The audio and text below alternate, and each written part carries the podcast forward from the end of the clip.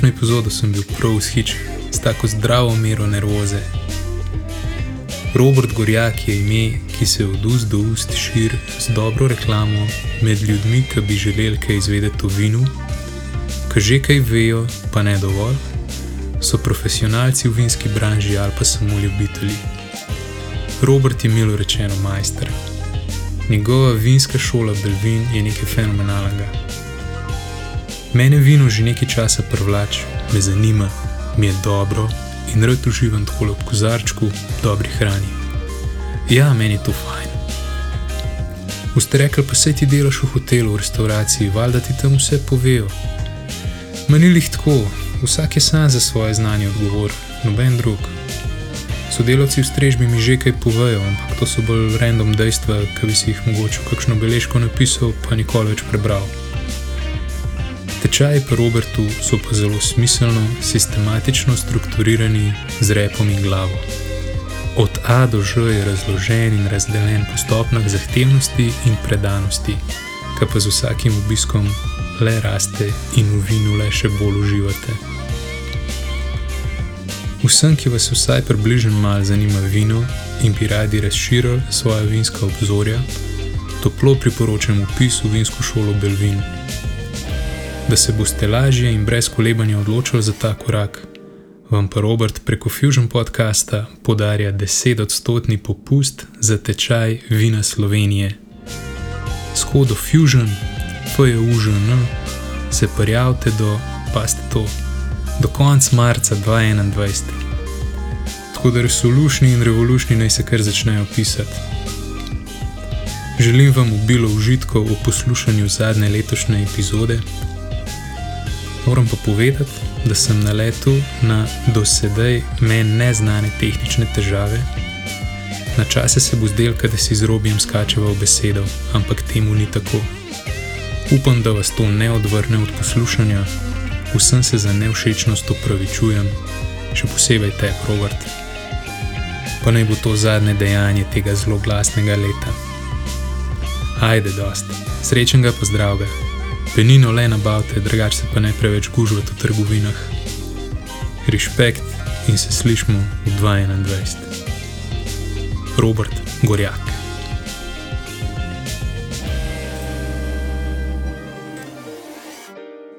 Robert, pozdravljen. Juri, živijo. Sem prav vesel, no, da so se uspeli dobiti. Najlepša hvala za, za tvoj čas. Sem bil prav navdušen, ko so se zmenili za termin.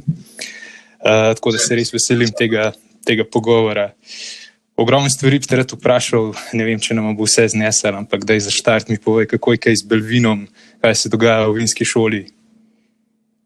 Kako ne rečem, prvi del, ki je bil marca, aprila, res si nisem predstavljal, kako naj, bi rekel, v situaciji lockdowna zadevo zapeljemo, ampak smo zdaj odkrili način, ga v bistvu razvili, spostavili, kako lahko delamo degustacije nadaljavo, tako da pošiljamo, rekel, majhne stekleničke na dom ljudem in potem lahko izvajamo v bistvu katerikoli tečaj, ki smo ga do zdaj izvajali, brez kakršnih koli uh, ovir, tako da gremo naprej. Super, ja, to me veseli. Vse v štartu smo se tako vsi lovili, noben je vedel, kako se sploh obrniti. Uh, tako da je fajno, da so se ljudje odzvali na spletne tečaje. Ja, različno je. Nekaterim, v bistvu zadeva je dvorezna. Nekaterim zelo ustreza, ker ne rabijo iti doma in se peljati, recimo, vem, do Ljubljana, do Maribora, kjerkoli, se, kjerkoli tečaj poteka. Tudi sam sem kakšne tri četvrt ure prej doma, kot sicer, ker imam tečaj v Ljubljani. Obstaja pa publika, ki reče, se dobimo, ko bo živo. Tako da zadeva ni črno-bela. Si pa predstavljam, da bo ta način tudi kasneje, ko se stvari normalizirajo, ostal, ali pa da bomo naredili kakšne hibridne opcije, kjer del publike uh, posluša zadevo v živo, del publike pa se nam priključi vem, iz uh, Goričkega ali pa iz Pirana. ja, zanimivo, da si to omenil. Te hibridi, to se mi zdi, da bo res kar ostalo v veljavi še naprej, tudi ko se enkrat umiri vsa ta situacija. Ja, imam par idej, kaj narediti. Je prej res zahtevalo mogoče več logistike in tako naprej, tako da zdaj pa jih lahko naredimo um, pravzaprav doma ne, in povežemo ljudi z vseh konca sveta, kar je prej pomenilo letalske karte, hotele in tako naprej, zdaj pa to lahko Ja, ja, ja. v bistvu od doma. Ne? Tako.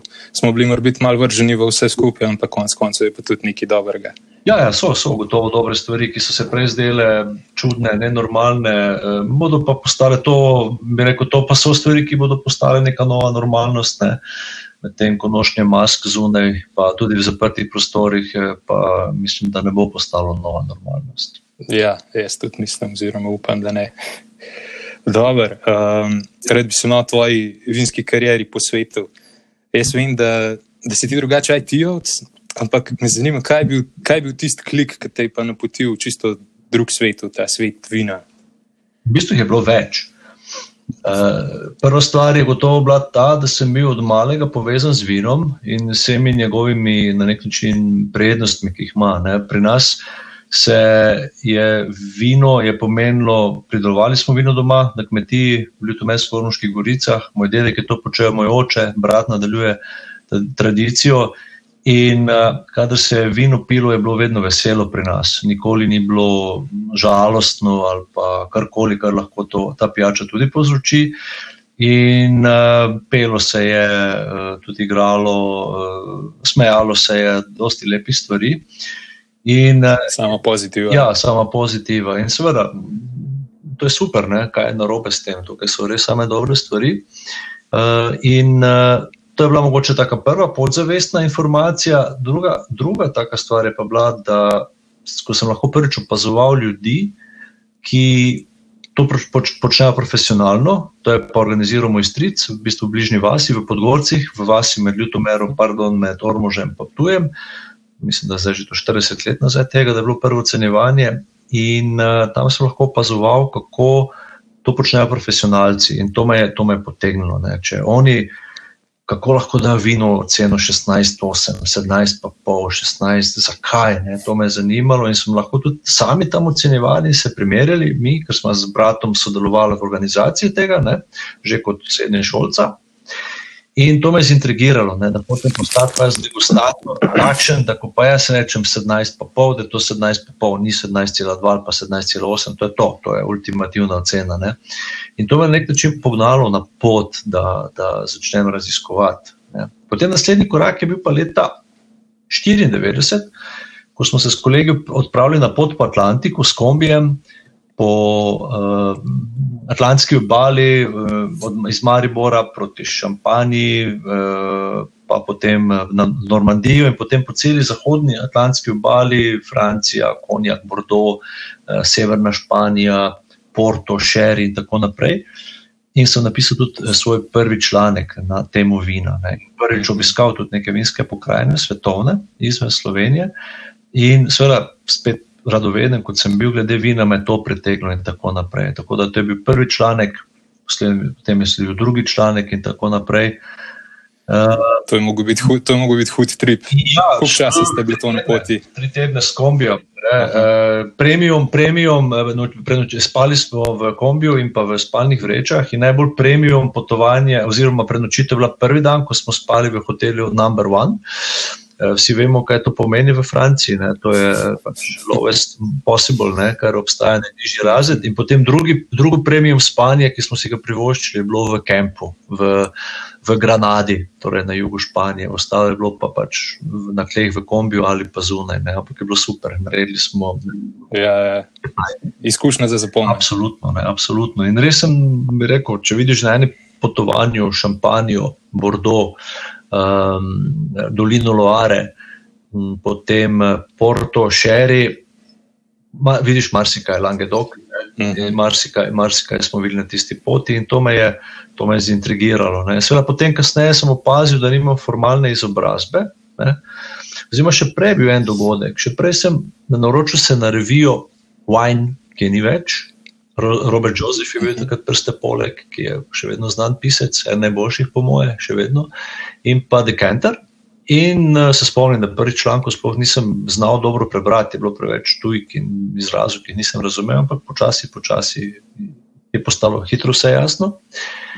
In tam sem opazil, da je v Kjantiju obstaja ena mega degustacija. Ne. In sem se prijavo preko faksa še takrat. Ne. In celo dobil odgovor, da sem povabljen in da mi plačajo letalsko karto Ljubljana Firence, obema z mojo bodočo ženo. In tako sem pa stopil v bistvu z eno nogo na mednarodno sceno in postal del te rekel, mednarodne degustacijske scene. Takrat je bilo to precej bolj na nek način restriktivno zaprto, kot je danes.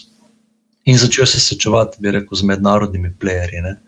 Tako da naslednje leto sem tudi prvič tam srečal Stevena Sparjerja ne? in po naključju in tako naprej. In sej, to je, kako bi rekel, ni, ni plano, ne? ampak če človek gre na igrišče, igra, ne? potem da tudi kakšen gol. Plan, plan... Ja, ja, ja, se ti steče v pravo, v pravo smer.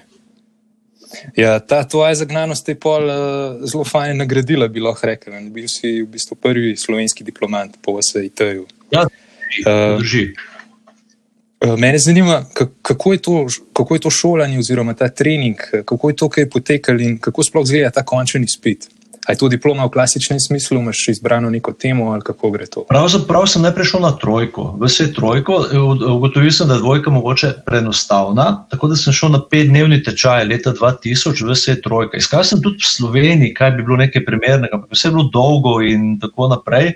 Tako da se je končal trojko najprej, ki je bila, priznam, bistveno lažje kot je danes. Danes je to precej težji spit, zadeva gre naprej.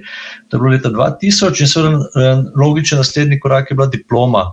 Četrta stopnja po VSE-u, ki traja dve leti, dva semestra, mislim, dve leti, dobesedno, to je trajalo v letih 2002, ja, 2003 ali 2003-2004, se spomnim točno, ampak diplomiral sem leta 2005. Ja, torej, to je en kup predavanj, dvakrat si tam po, ne vem, 6-7 dni, torej residential course, kjer se poteka predavanje in tako naprej.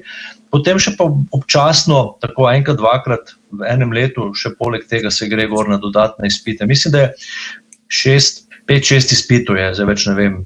Iz glave, ne, ki po, in teorijo, in degustacijo, in peneča vina so posebej eh, tema, takrat še žgane pijače so bila posebej tema, to so zdaj dali v stran, ni več del kurikuluma. Eh, marketing je bila tema, potem eh, seveda eh, pridelava grozdja, predelava vina, vsako te stvari je zahtevala neko, svoj, neko znanje. In pa tudi esejske naloge, pa ni bilo. Preden smo jo morali napisati, so jo ukinili in so rekli, da ne rabiš več tiste končne naloge narediti. In, uh, tako da je ni bilo treba. Ne. Jo je bilo pa treba narediti, če sem hotel postati dvajni akademik, to sem pa potem še naredil kasneje v Rusiji, Avstriji. Uh mhm.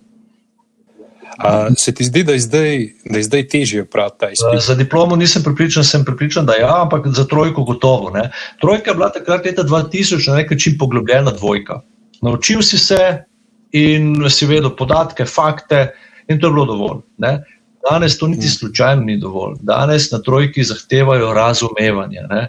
Povejo, potrebno je res dobro temeljno znanje za, o pridelavi vina, dobro temeljno znanje o eh, pridelavi grozdja ne, in potem to aplicirati na vsako pomembno regijo v svetu. Zakaj je to tam tako, zakaj je vino v Alzaciji takšno, kot je, razložiti eh, naravne faktorje, eh, človekove faktorje. Ne da se, ne da se nadudljati, treba je razumeti. In tukaj je velika razlika med someljskimi tečaji, ki res temeljijo na faktografiji in recimo na someljskih tekmovanjih, kjer so mimo grede tudi treba pokazati, kako se steklenice odprejo in tako naprej. Čist neke druge veščine, ki jih pri nas ne zahtevamo ne, in so seveda, seveda vredne, vredne eh, pohvale in rekel truda. Medtem ko pa te sprašujejo naštej, naštej eh, regije Slovaške od vzhoda proti zahodu, je pa popoln nesmisel. Ne. To, pa, to je pa faktografija, ki, da, da nima smisla. Teda tukaj je, se mi zdi, v svet šel korak naprej, že na trojki, na štirki, že takrat v mojih časih, ampak zdaj pa že tudi na trojki treba pokazati razumevanje in pokazati, da imaš nek širši pogled na stvar. Ki ga znaš potem aplicirati na dano situacijo. Ker to je tudi potem, kako bi rekel, to se v poslu dogaja. Ne, ko človek konča diplomo, je primeren, da zasede neko uh, relativno pozicijo v vinskem svetu in zna uh, se obrniti. Mhm. Zelo, zelo celostno. Tako, tako, seveda, ne. razumeti, kako svet diha ne, in potem to neko znanje na konkretno situacijo aplicirati. Uhum. Zdaj, ko si ravno omenil, prej, um, someljstvo. Jaz, ko sem, jaz, ko sem doma tako le svojim bližnjim povedal, da upravljam tečaj per tep, so mi vsi tako rekli, a pol boš pa ja. somelje. No, in to, to dilemo si nam ti odlično obrazložil na tečaju. Pa, pa bi te prosil, če še tukaj poveš, zakaj ti mu ni tako in kdo je pravzaprav somelje. Ja, pravzaprav velja v, v Sloveniji, predvsem, pa mogoče še kje ne, da je kdo je to somelje. Če to pa je poznavalec vina, to je pa strokovnjak za vino, ne, svetovalec o vinu. Uh, to je eden izmed profilov, ki je seveda strokovnjak za vino in poznavalec za vino. V prvi vrsti je pa somelje, seveda, natakar, ne, ki streže v restauraciji, seveda izobražen natakar, napreden natakar, nekateri izmed someljev so zelo dobro plačani, eh, so strokovnjaki, seveda lahko so tudi potem svetovalci, ne, hodijo od restauracije do restauracije postavljajo vinske karte in uredijo biznis, recimo tako, da jim nabava štima in tako naprej. Ne. Ampak Uh, vem, somelje, ko konča človek somelje prvo stopnjo, seveda ni nek strašen vinski strokovnjak, ne, je pa seveda zvedel nek osnove o vinu, o slovenskem vinu in tako naprej. In če, če je končal tečaj v Sloveniji in ima dobro osnovo, da je lahko dober natakar. Ne. Torej, somelje bomo tipično srečali v v restauraciji. To je, to je bistvo tega. Ne. Torej, nekdo, ki dela v vinski kleti, ni somelje, tudi sam nisem somelje, čeprav lahko rečemo, da vem nekaj o vinu, da se razumem na vino. Torej, somelje je eden izmed vinskih profilov, ki jih imamo v tej branži. Ne. En izmed profilov, v bistvu en poklic, ne, če tako čisto enostavno. Na švedskem obstaja recimo štiriletna šola, končaš in si somelje, ne. V Nemčiji podobno. Uh, pri nas so to tečaji, prva, druga, tretja stopnja, po 80 ur trajajo. Mi smo namenjeni, da človeka izučijo, da se dobro znajde v vlogi natakarja.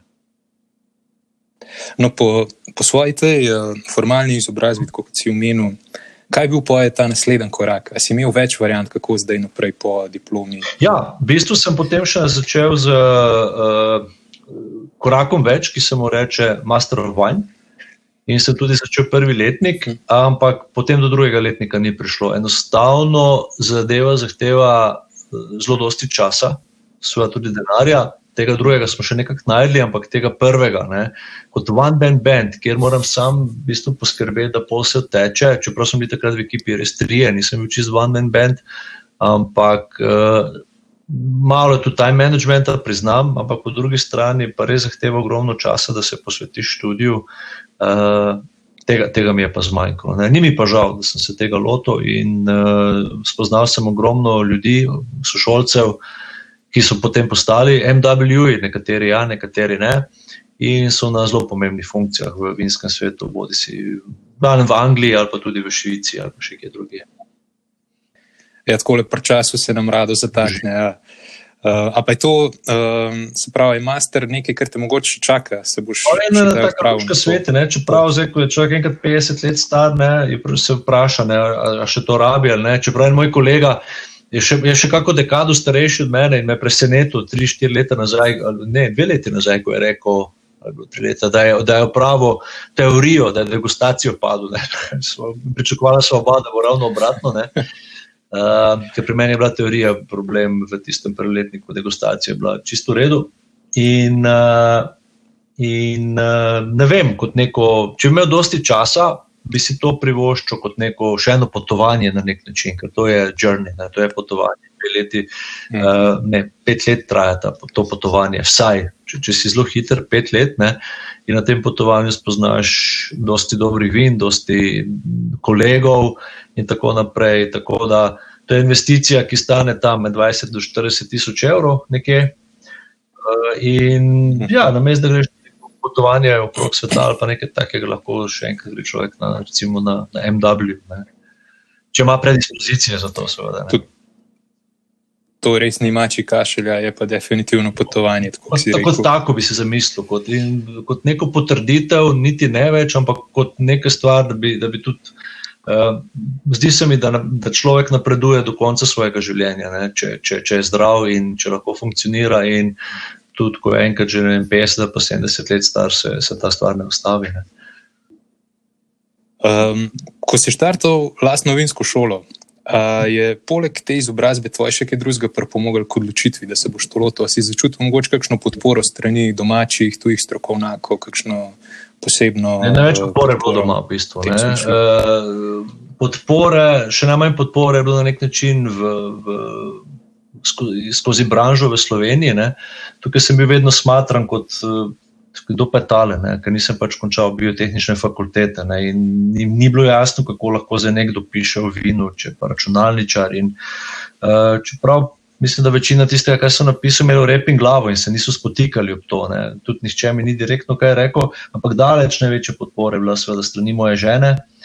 Uh, ki je tudi podpirala to mojo pot, ki je bila, moram reči, če pogledamo nazaj, uh, čisti skok na glavo v prazen bazen. Uh, Za tega sem se odločil leta 2008, torej tik pred krizo, uh, z triletnim otrokom, z 15-letnim kreditom za Bajto v žepu in uh, iz varne računalniške službe, ne, se veste, da računalničari niso slabo plačani, ne, sem se odločil za vinski posel, ki ni nujno tako dobro plačan, ne, ampak je pa bila to tudi pot v svobodo. Uh, in v lastne odločitve, lastno odgovornost, eh, sam sebi, v bistvu sem šef in si v bistvu sam odrejam in svoj delovni čas. Edina stvar, ki jo pogrešam, je, je, so velike skupine, družba. Tako, recimo, prej sem delal v srcu in sem imel super. Eh, niti enega dneva mi ni žal, da sem tam preživel, res sem imel dobro. Des, točno deset let sem tam delal, eh, v neki točki je bilo v firmi 300-400 ljudi ne, in s temi ljudmi se pogovarjati, družiti, eh, ta mreženje znotraj firme, že to, to je bilo enkratno. Ne, da, zdaj ga delno nadomeščam preko svojih tečajnikov, ne, ki so res razno razni in vseh možnih. Profilov, poklicev, starosti, spolov in, in uh, geografskih porekel, če, če bi tako rekel. Uh, ta, da je tudi na nek način uh, pestro. Niso pa ti stiki z stečajniki toliko močni, kot so bili recimo za sodelavci prej na, na srcu. Je zelo lepo slišati, predvsem ta del o podpori doma, strani žene. Mislim, da ta domača podpora je res največ vredna, tako da lahko premagaš kjerkoli uviro oziroma izziv, ki si ga zastaviš. Mreženje na tečajih pa definitivno tudi je ena Ja, ljudje pridejo res um, z drugih poklicev, ki pridejo v vino. Pol je recimo profesionalcev, ne, ki se z vinom ukvarjajo, bodi si so pridelovalci, torej iz vinskih kleti. Praktično vsake pomembne vinske kleti v Sloveniji so bliže pri meni na tečaju.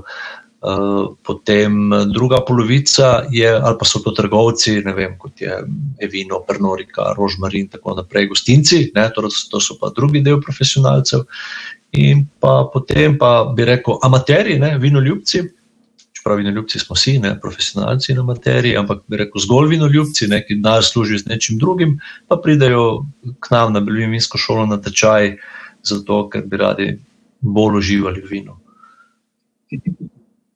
Zato je tudi en čar tega, da lahko se združijo ljubitelji, profesionalci, v bistvu iz vseh. Iz vseh Drži, uh, jaz sem diplomo delal, ne, jaz sem bil pravzaprav formalno ljubitelj takrat. Ne, nisem, zelo malo sem zaslužil z vinom, s kakšnim člankom ali pa kaj. Ne.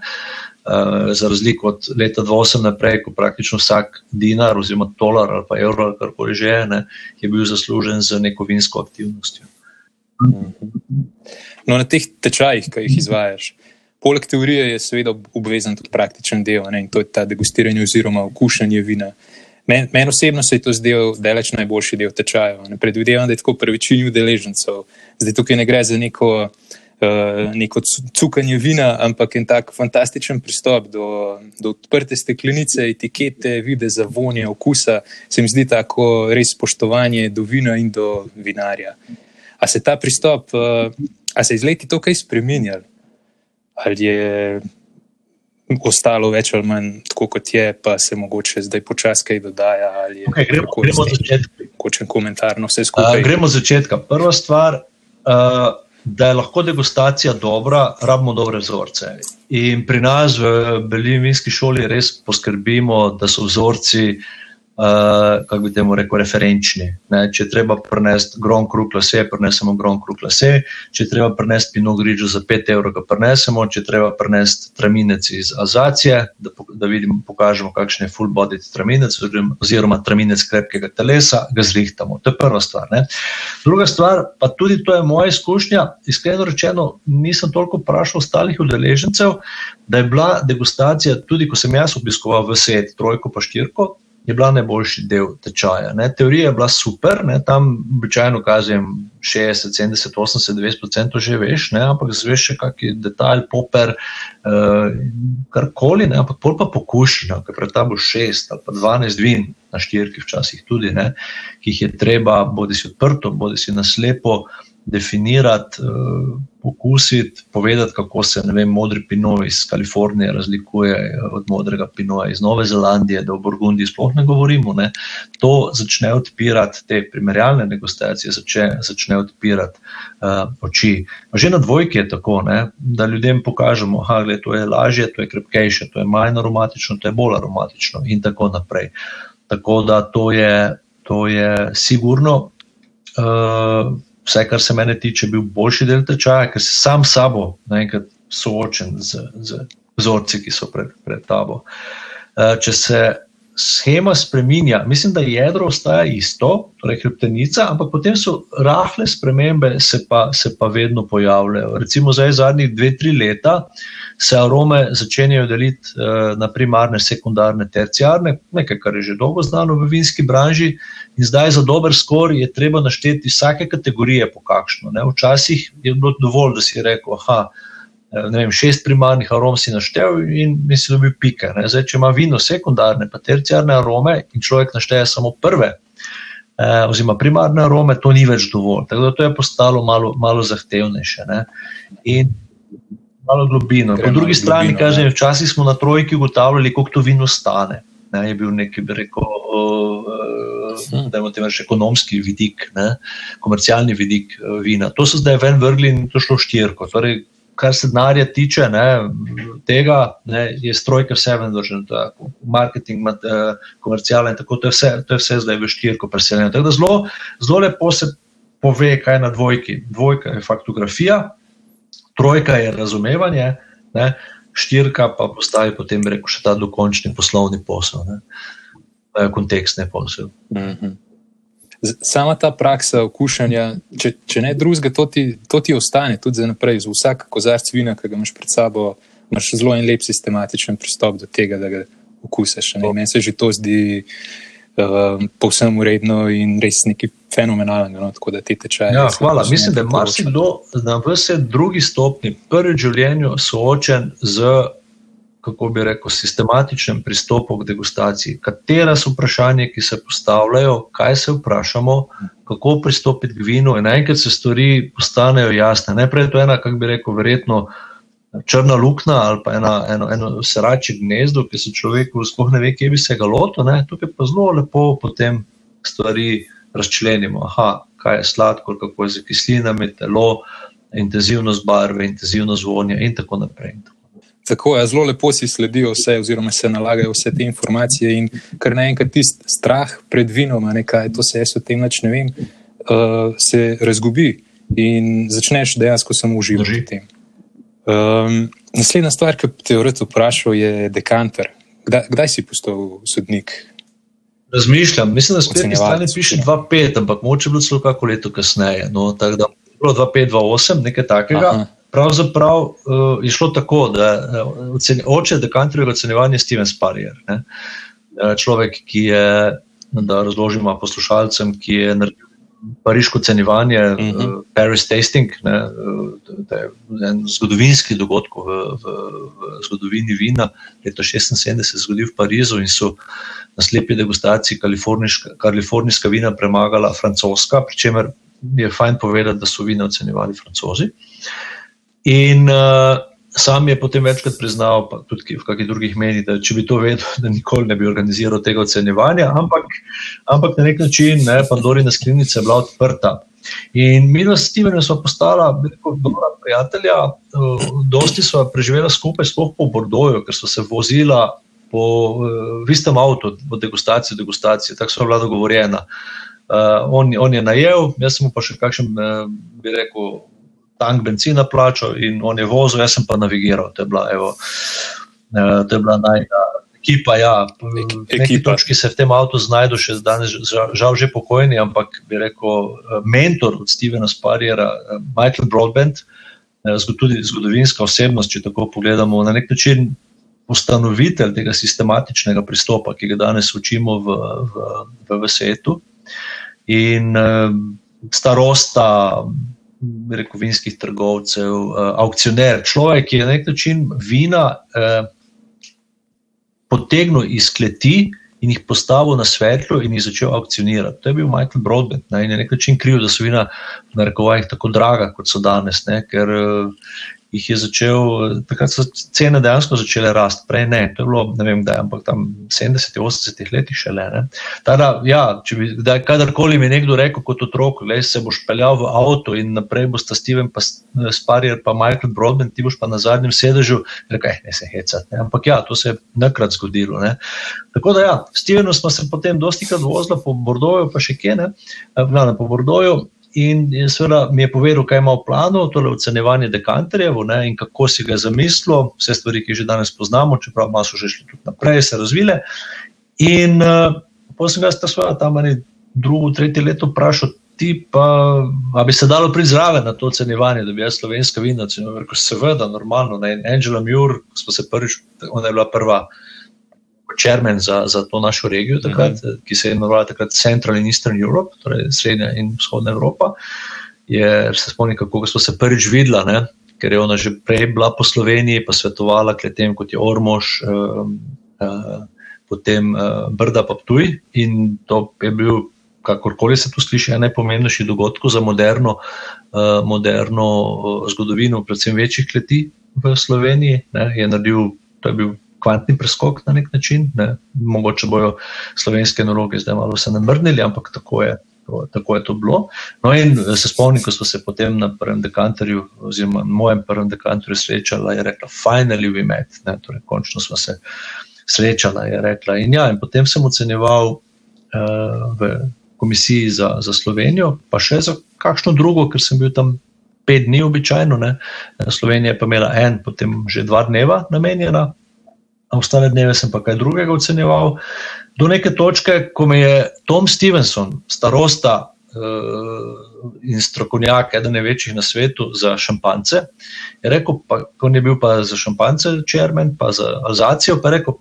Pa, gledaj, koliko imate vi vin v Sloveniji, ne? več kot mi, v Alzaciji, ne? njegov, njegov panel. Rekl, daj, vprašaj ti organizatorje, zakaj ne bi Slovenija imela svojega panela. Ne?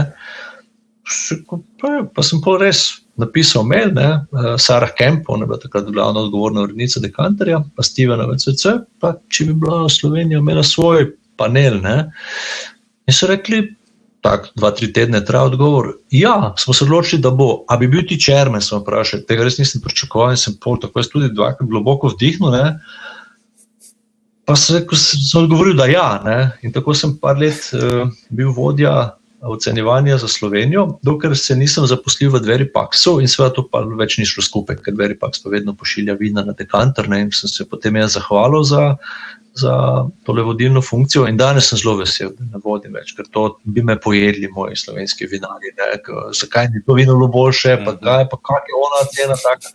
Da, jaz je lepo bordo, ocenjujem in imam mir ne, in lepo komentiram. Ja. Aha, aha, se pravi, si, si lahko zdaj izbral, uh, kaj, boš, kaj, kaj ocenjuješ zdaj. V bistvu to lahko sam izbiraš. Tako, Nekako tako le gre. Na, na ocenjevanje dekanter se da priješ na povabilo, kot na večino ocenjevanj. Ne, ne moreš kar tako. Lahko tudi rečeš, lejte. Jaz bi, pa pol, nekdo te mora priporočiti vseeno. Ne? In potem, ko uh, dekanter pošlje to uh, povabilo, da te vpraša, za katere regije si pa ti res dober. Ne? Ker uh, da pri dekantorju ne ocenjujemo vsi vsega, ampak po regijah. Torej, Uh, jaz bi si težko ocenjeval, recimo, Rono ali pa Borgunce, vse bi bil dober, ne bi pa bil odličen. Ne? In kakovost vina je vseeno nek, nek uh, kako bi rekel, univerzalni moment. Medtem ko specifike so pa res, uh, je pa fajn biti strokovnjak za regijo, ne? pa poznati sorto včasih. Ja, tako, kaj pričakovati od šipona, kaj ja, pričakovati od rebule, to ne diši, ne? pravzaprav ne sme dišati, ne? šipon pa rebule, nekaj narobe, recimo v tem smislu. Ne? In uh, potem, ko pač mm -hmm. sam povem, kaj mislim, da je, da je dobro in seveda, Bordojo sem bil dobesedno 25 krat do zdaj v življenju ne? in se mi zdi logična izbira, da, da, da ocenjujem Bordo ne? in to v glavnem s kolegi, ki jih srečujem, ko grem na degustacijo Bordeaux, na tiste on-primer degustacije. In so to ljudje, kot je James Slaughter, James, Jane Anson, ki, ki smo jih tudi tam že prej poznali. Tako da uh, smo kompatibilni in zadeva gre dobro naprej. A moraš zelo striktno slediti tej ocenjevanju? Uh, v bistvu dekanter nima ocenjevalne lestvice. Ne? Dekanter ima oceno od nič do 20, ne, uh, od nič do 100. Ne? In potem ni tako, da bi rekel 4 za nos, pa, ali pa 20 za nos, pa 10 za ono, vse to točkovna lestvica pravzaprav sploh nima. Ne? Ampak reče, ok, tole vino si pa zasluži, kaj vem, 70 pik. Ne? In potem napišeš opis vina, ne vem, barva je taka, nos je takšen, usta, bla, pač tisti, skupaj v svetu, jaz delam. Eh, po tej strukturi, in potem, in potem uh, cel flight tako le ocenimo, cel niz vin, ki so recimo, si podobna, kažem. Lalande, Pomerol, letnik, kažem 2016, 10 vin in jih probamo vseh 10. In uh, vseh 10 jim damo ocene, in potem se komisija sestane in pove, aha, prvo vino, koliko si dal ti, koliko ti, koliko ti. In uh, če se strinjamo, da vsi skupaj, da je to vino si zaslužilo bronasto medaljo, gremo naprej. Ne. Čim se ne strinjamo, recimo dva reče, da se obrne, en reče bronasto, potem on ga vprašamo, ti, ki si dobro bronasto, se strinjaš, da greš se obrno, polom pogleda, pravi, ja, v redu, nimam, nimam komentarjev. Ne, ali pa če pa ne, pravi, gledaj, hlap, ne, ono, ni, ni bilo v redu, ne, karkoli, pa pa pride do debate in pa se s pomočjo argumentacij se vsi, vsi skupaj, komisija, soglasno odloči, ne, kam, uh, kam bomo to videli postavljeno. Sprav zelo ja, ja, ja, sklepčna, tako, ne, sklepčna nekak, vse lahko tudi preglasuje, ne, dva rečeta. Ampak če, če, če se tretji ne strinja, polobičajno kličemo pol predsednika komisije, ki je včasih lahko prisoten, včasih ne in ga vprašamo, kaj on misli. Ne? In če še vedno ne vemo, pa lahko pa pokličemo super uh, ki je bil dolga leta tu Steven Sparrier, ne? eh, kaj on misli in tako nekako gre za delo. Ja, predsednik komisije ima besedo. Koliko vzorcev pa gre tako, recimo naenkrat, rekel si približno deset, je to. A je kakšen maksimum, ki si ga zadate? Ja, vina se razdelijo na flight. In ne flight ne, bi bil max 12, čeprav včasih potem imamo pa 13 vin. Ne. Sve ne, ne narediš enega flighta po 6, pa enega po 7, se naredi en flight po 13, pa konec. Ne. Potem to nek maksimum, tudi 14 smo že kdaj dobili, ampak 7 dnev je pa 80 vin. Ne. To je pa, to je pa naporno. Je naporno. To zahteva. No, ja, ja, ja. Na koncu me veš, kaj seveda veš. Je pa si pa bolj utrujen. Se fokusira. Kot komentaš, seveda v 85 minuti ne igra tako kot 20 minuti. Ne? Zahteva, da pretečeš 100 metrov, zahteva, ne vem, mogoče sekundo več, ne? kot pa prej. Ne? Pretečeš, samo rabiš več časa. Ni tako, da več ne bi za mogo 100 metrov odlaufaš. Je treba tudi tistemu vinu 4,30 dati enako možnost kot 9,30. Ne? Treba biti absolutno korekten do vseh vin, se potruditi. Uh, je pa 80 Seveda, tako kot, tako kot zdravnik do pacijenta. Zjutraj bo, bo tudi utrujen, ampak bo mogoče za to pa porabil, ne vem, tri minute več, ne, osem minut. Uh, zdaj, naslednje vprašanje, morda se ti ne bo zdelo čisto smiselno, ampak vseeno, katera lastnost vina prenaša ali pa zagotavlja tisto najvišjo oceno?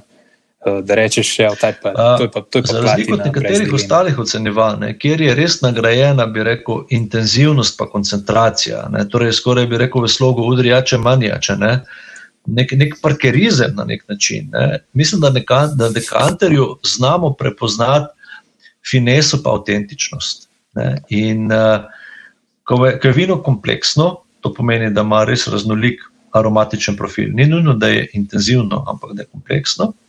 Potem, da ima karakter, da ima nekaj svojega.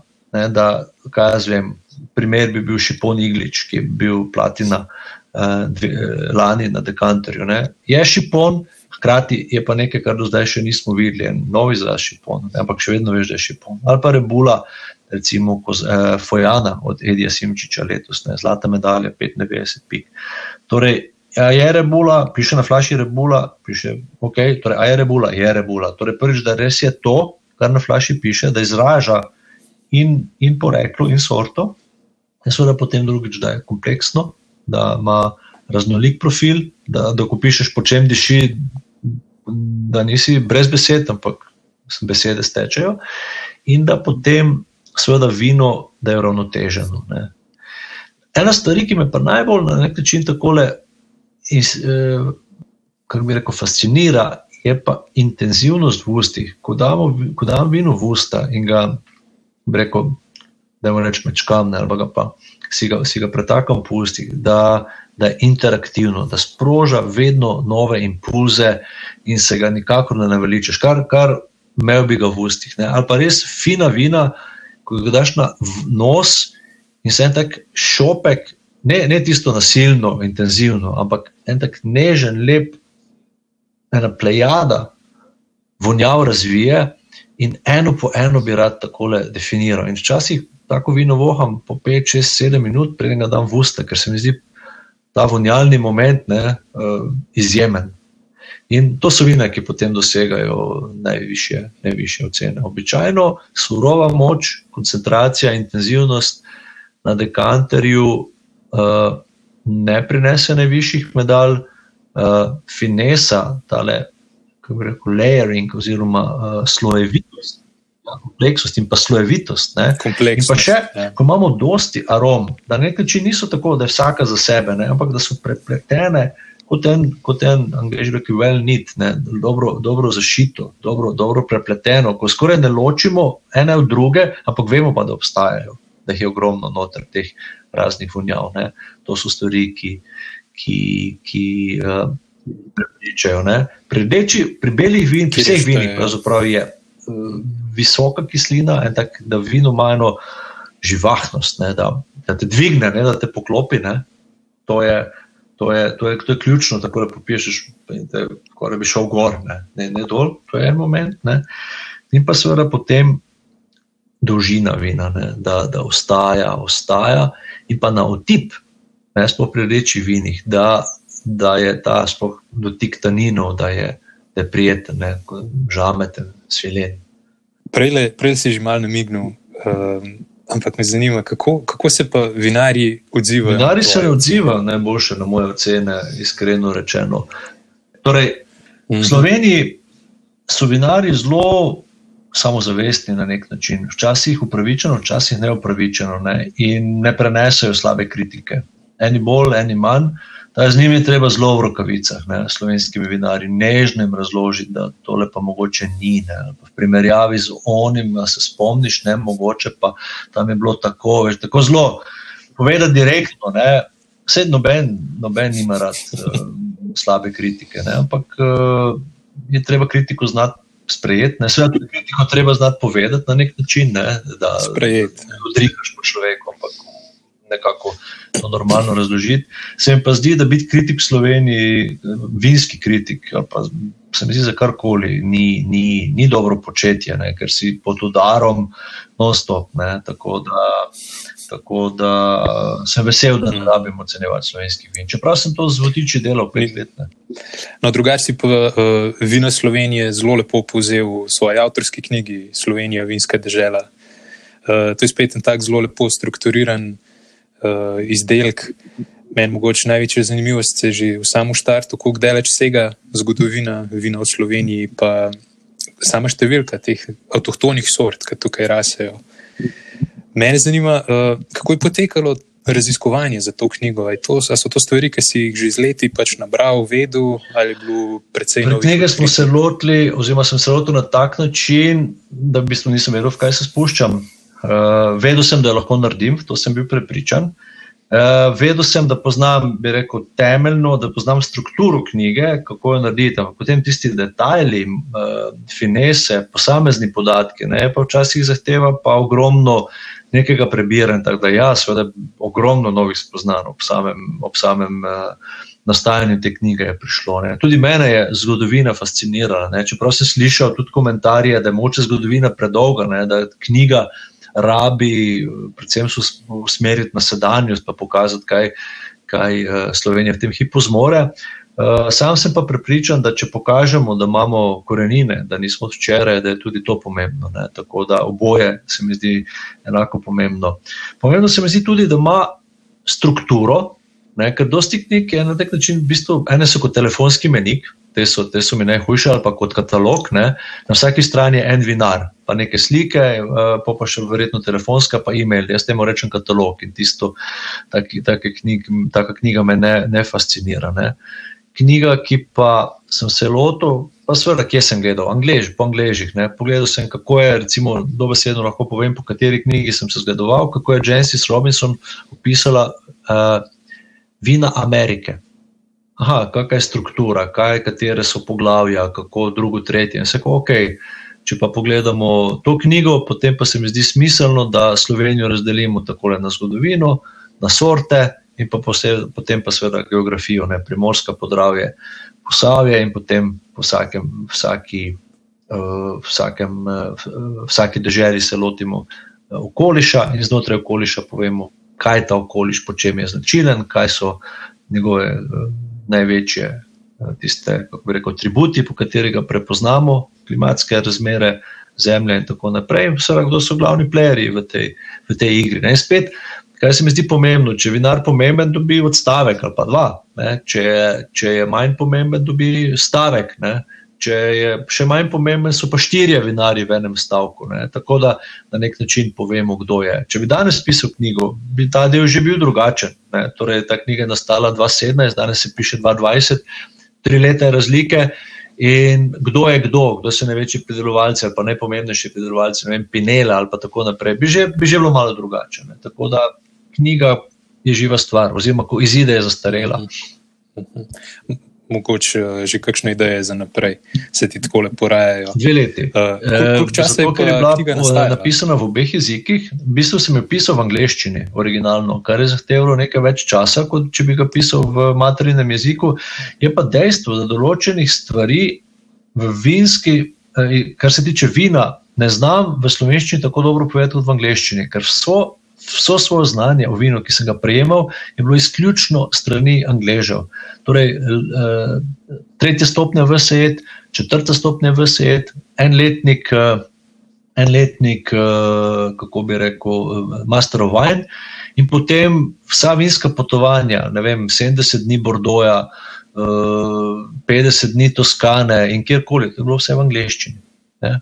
Tako da bi rekel, čeprav govorim slovenski jezik, sem se pogovarjal ogromno s slovenskimi vinarji in tako naprej. Ampak prave te izobrazbe, pa napredka, bi rekel, to je bilo 80-90% vedno podano v angliškem jeziku. Ne. Tako da, ko sem potem knjigo še enkrat pisal v slovenskem jeziku, dolga zgodba, ne bi, ne bi šel skozi, zakaj je bilo tako sem mislil, da bo lažje, pa ni bilo. Ene stvari so bile seveda mhm, lažje, mhm. nekatere, pri nekaterih se je pa spet zatikalo. Ne. Tako da sem vino, knjigo dvakrat pisal.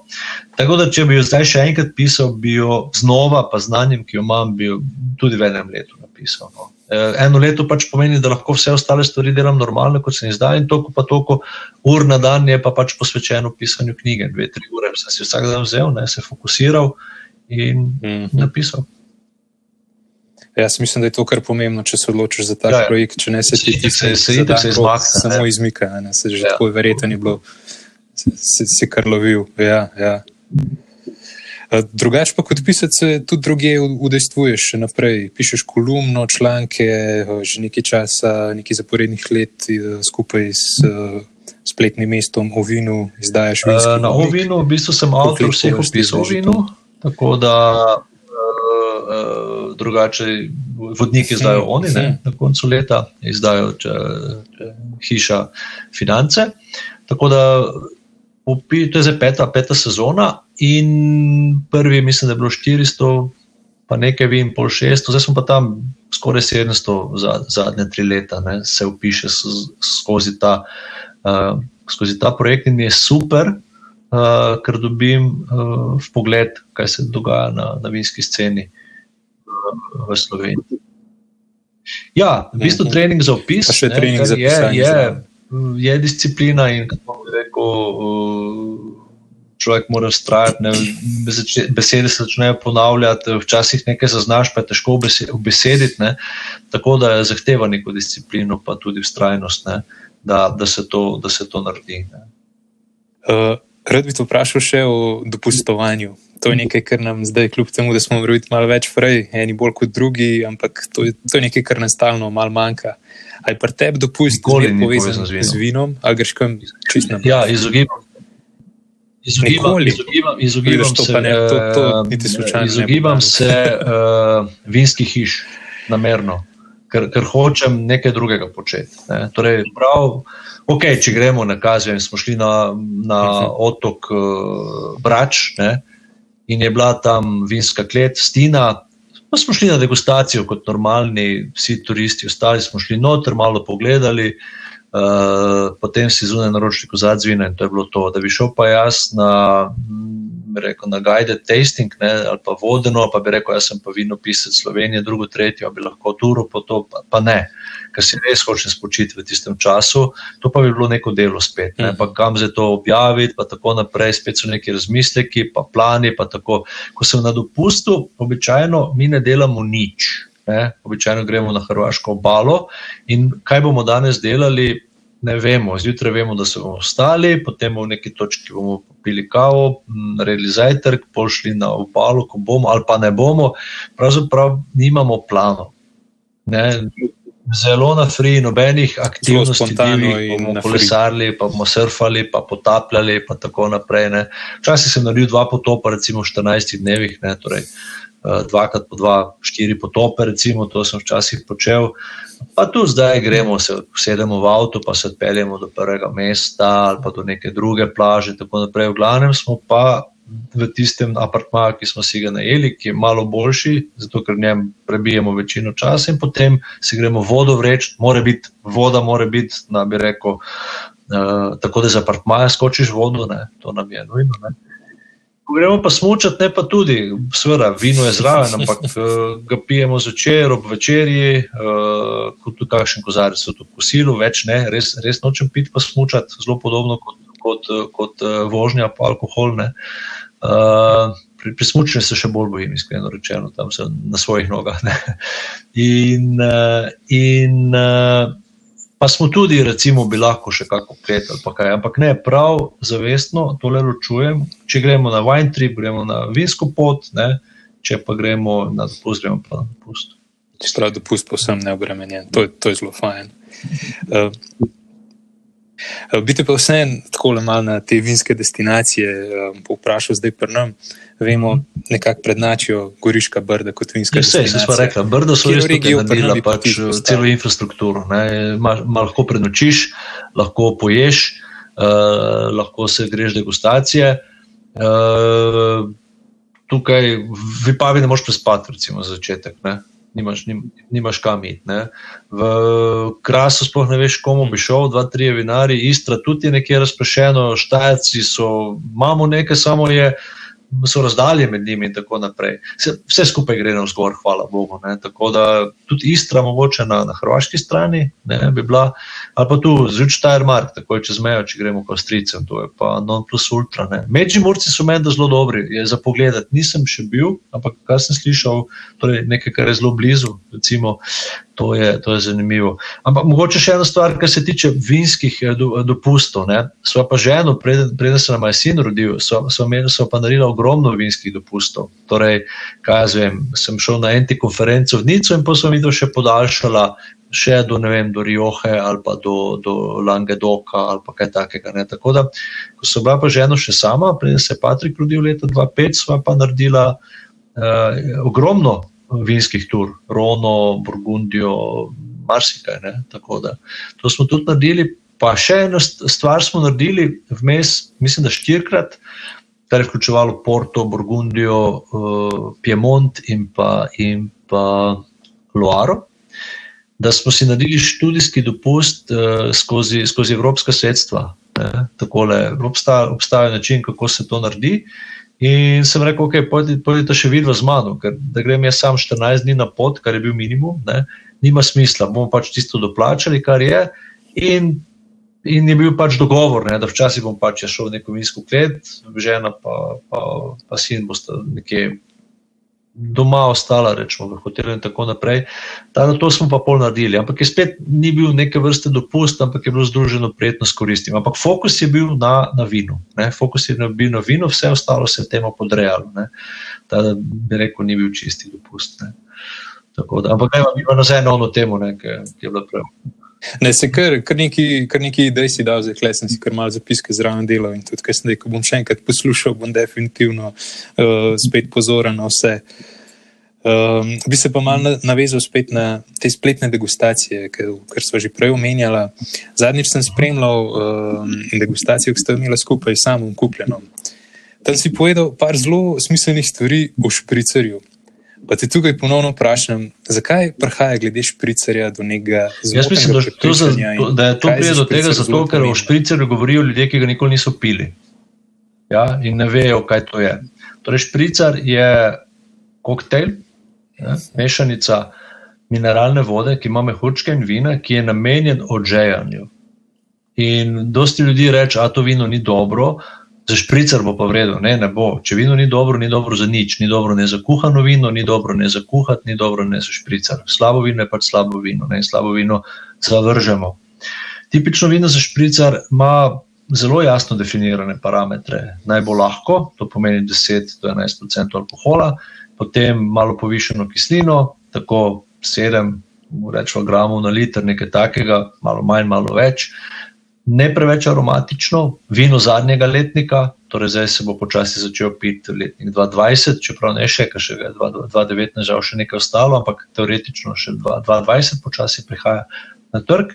Ne, in tipično razmerje je polovica vina, polovico petanskega vrelca, prosim, radenske, ki je daleč najboljša mineralna voda za, za špricar. In to se pije za žejo, ker človek žejen, za, si naredi špricar in se odžeja ker drugače vino je ob hrani. Ne? V primeru špricerja pa je za odžejace. In to je velika razlika. To je nacionalna pijača na našem koncu, v Prelekiji, ko se nekaj dela, se pijejo špricerji, nihče ne pije piva, ali pa redki. Ne? Se pravi, špricer zažejo. Uh, kaj pa si drugače ti? Najraje odpreš tako na kozarc. Zdaj vem, da je to zelo širok, da je odvisno od priložnosti družbe, pa vse en, siguren imaš kakšne ja, uh, primere, kaj rečeš. To, to belo, suho, štajersko vino, ki ni preveč staro, to je nekaj za vsak dan. To mi je, to mi je dejansko najboljše. Ma malo višjo kislino, ima dobro aromo in tole, bi rekel, od ponedeljka do četrtka, to je zicer šipon, renski, uh, lahko tudi savignon, čeprav je že kar aromatičen, sivi pino. To, to, to je na nek način zicer. Tipičen primer, kaj bi rekel, če bi rekel, verus, dveri, paks, gaube, te, te zadeve. Ne? To vzameš, piješ in, in imaš, uh, bi rekel, si z, z navarni strani. Uh, Tako, tako. Torej, ni, ko rabimo, ko rabimo kozarec vina, ki jedi, ne razmišljamo dosti, tudi nimamo dosti časa, da bi se še nekaj strašnega peli. Ampak, ampak ta zdaj funkcionira. To je sigurno boljše, kot če ne bi nič zraven pili. Bo čisti usta, pripravi na nov uh, grižljaj, uh, nov požirek vina in tako naprej. Ne. Potem pa, če pa malo. Če, če je pa neka malo resnejša situacija, ne, spet petek, sobota, nedelja, če pridejo obiski, prijatelji, pa, pa začnemo razmišljati, pa je pa cel svet moj, ne? pa cela Slovenija, cel svet, pa, pa, pa, pa ni, pa, pa ni meja. Res, res imam rad vse, kar je dobro. Ja, ja to, je, to je ključno. Če ni dobro, pol, ni važno, kje je sorte, ni važno, kje je regija. Je. Če je pa dobro, pa spet ni važno, kje je sorte, kje je regija. Je. Eh, zdaj, glede na to, da sem tudi sam zaposlen v hotelu in restauraciji, bi te rad vprašal, na kere napake ali pa mogoče pomankljivosti pri ponudbi in strežbi vina uh, največkrat na leto. Enkrat sem celo naredil anketo med, med uh, potrošniki oziroma med mojimi kolegi, kaj so tiste najpogostejše napake. Imam celo imam nek PowerPoint nekje, oziroma mind map, imam, kaj to je. Ne. Eno stvar je gotovo aroganca, to je najhuje. Ne, če, če se na takr ne zna pogovarjati z gostom normalno. Ne, pa ni ve, sploh ni važno, kdo ve več, kdo ve manj, to, to, to, to je res najmanj pomembna stvar. Ne. Ampak kot na takarja želim to, da mi normalno odgovarja na vprašanja, da me posluša in mi odgovarja. In se potem skozi pogovor pridemo do vina iz ponudbe, ki je na voljo, ki, ki, uh, ki bo meni ustrezalo. Ne. To je prva stvar. Druga stvar, ki gotovo ne maram, je neko usiljevanje. Ne. Tole, tole, ne vem. Na kakršen koli način, da je nekaj, da je nekaj agresivno predstavljeno. Ne. Bi pa še moral pomisliti, kaj so take, ali pa neznanje. Ne. Če vidim neznanje, ali pa da nekdo o nečem govori, pa ga biksa na veliko. To me, to me tudi zmoti. Bodi rajši tiho, ne, kot, pa da, kot, pa da, kot pa da klobasaš. To so mogoče stvari. Scene absolutno se dosti popravljajo v zadnjem času, tako da tukaj imamo uh, vedno več dobrih sogovornikov, ne? pa tudi sveda na takari so opazili, da rabijo več, ker so tudi gostje postali ali pa smo postali vedno, vedno zahtevnejši. Ne? Vse, kar želim na nek način, ko pridem v restauracijo, je uh, pravzaprav večkrat se pri hrani spotaknem skoraj kot pri vinu. Prvič, kar me zmoti, je, če ni ponudbe. Ne, pravi, da res ne, vem, ne, ne, ne, inventi, ne inovativno, ne vem, ne inovativno ali pa ne.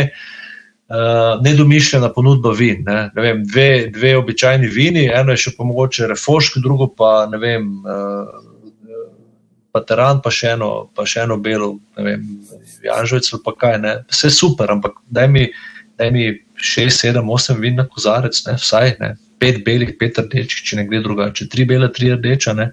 Tako da, da lahko nekaj normalnega človek spije, ne. da ne rabi takoj po buteljki, ker sploh za kosilo nas mora biti šest, da bomo buteljko spili, ali pa štiri, vsaj. Ne.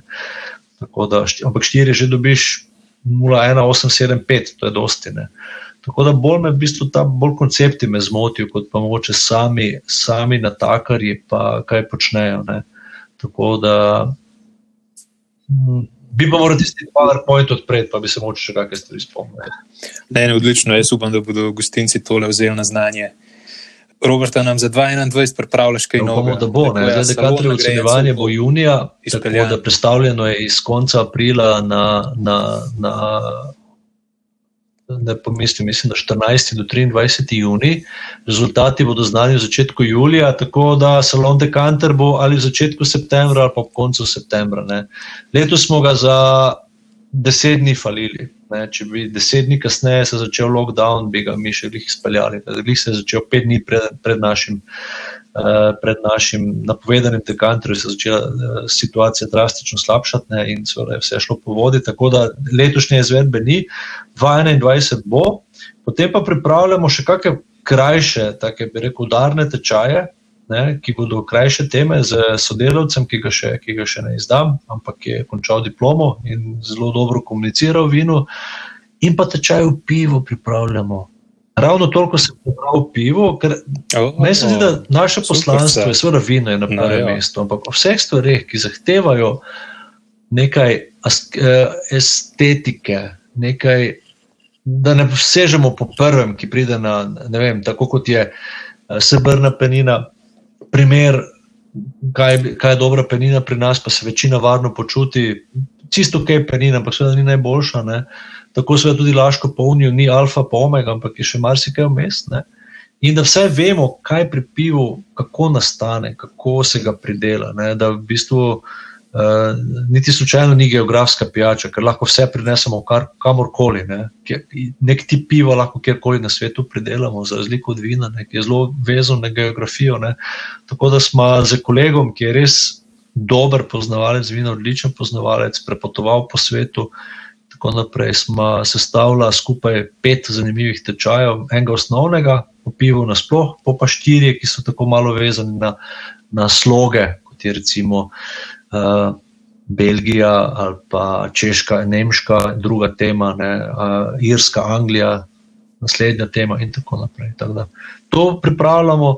Pa bomo, verjamemo, ampak ne bi rad preveč povedal, še, še kakšno z zažganimi pijačami, recimo za, za gin tonike. Uh, da ljudje razumejo razlike mhm. med eh, džini, da razumejo razlike med toniki, kaj so tiste osnovne stvari, na katere treba paziti. Ne. In enako pri, pri, pri, pri, pri pivu. Ne. Tako da to je to. Super, super novica. Imam že v mislih par prijateljev, ki jim moram to povedati, da bodo pozorni, kdaj bo izvedba, kdaj bo tečaj. Um, pri vseh teh stvareh gre pa, kot si umenil, v bistvu za kulturo pitja, kultu, dvig kulture. Uživanje. Več vemo, bolj smo zahtevni, več znanja tudi pričakujemo od natakarja v tem primeru, oziroma od ponudnika. Ima uh, tudi eno negativno posledico to poznavanje, predvsem na naši denarnici, ne? ker naenkrat uh, se račun za vino ali pa za pivo v tem primeru ne, se, precej, se precej dvigne. Ne? Mhm. Tako, skozi skozi vedeti, zakaj to stane 5 evrov, zakaj to stane 5 razumevanje. Zakaj to stane 75. Tako, trenutno se pa s kavami ukvarjam tudi. Ne, da, mislim, za lastno rabo. Za lastno rabo. Študiram. V kakšnem smislu? Ne, to pa ne. To se mi pa res ne. Meljem pa, meljem pa sam. Pražiš. Že nekaj, ja. Tako. Pojma nimam, kako je to. Si omenil, da to zdaj za novo leto. Za novo leto bomo z družino. Tako da bomo odprli, ne vem še. Ne vem, še nekaj dobrega v vsakem primeru. Pa definitivno uh, bomo odprli pred polnočjo, ne? ker v polnoči ni ves, niso zaznave več tako dobre, kot so uh, ob sedmih zvečer, recimo, iz izkušenj. Tako da tisto najboljšo bomo prej odprli. Ne. Za novo leto tisto, kar poči, ne bo najboljše. Evo, na, na svet, ki ga velja upoštevati. Robert, najlepša hvala, tole je bilo, tole je bilo super. Uh, ogromne zanimivosti, res um, super debata, kot vedno s tabo. Da mi povej za finiš, imaš kakšno misel? Nisem je pripravil, ampak pravzaprav se mi zdi tista misel, ki jo dosti krat povem na tečaju poznavanja vina, ki jo je izrekel pokojni Emil Pejno, se mi zdi zelo dobra in pravi v uvodu v svojo knjigo, ki se reče uh, Okus vina, nagovori trgovce, vinarje, ljubitelje vina. In ljubitelje vina nagovori tako, da reče: Bodite diskriminatorni do vin, kajti vi ste tisti, ki ste odgovorni za kakovost vina.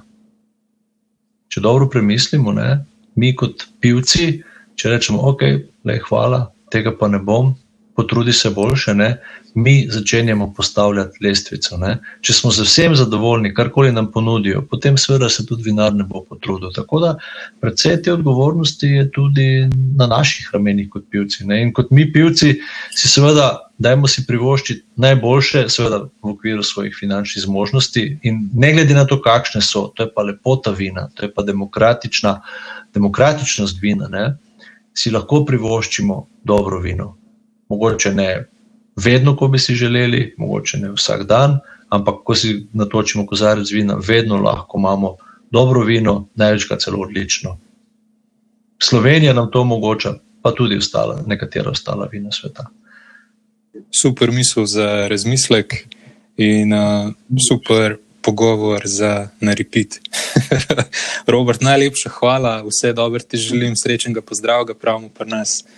Um, pa upam, da se čim prej vidimo v živo. Hvala tebi, Juri, za povabilo. Tečaj, uh, hvala, za, lahko bil gost v oddaji. In tudi sam želim tebi, tvojim poslušalcem, poslušalcem tega podcasta, eno res dobro, zdravo, obilice, zabave, polno in dobrih okusov, polno uh, 2021. Jaz verjamem, da nam bo preneslo še več kot nam je 2020. Super, hvala, Robi, se slišmo. Hvala, srečno, vse dobro.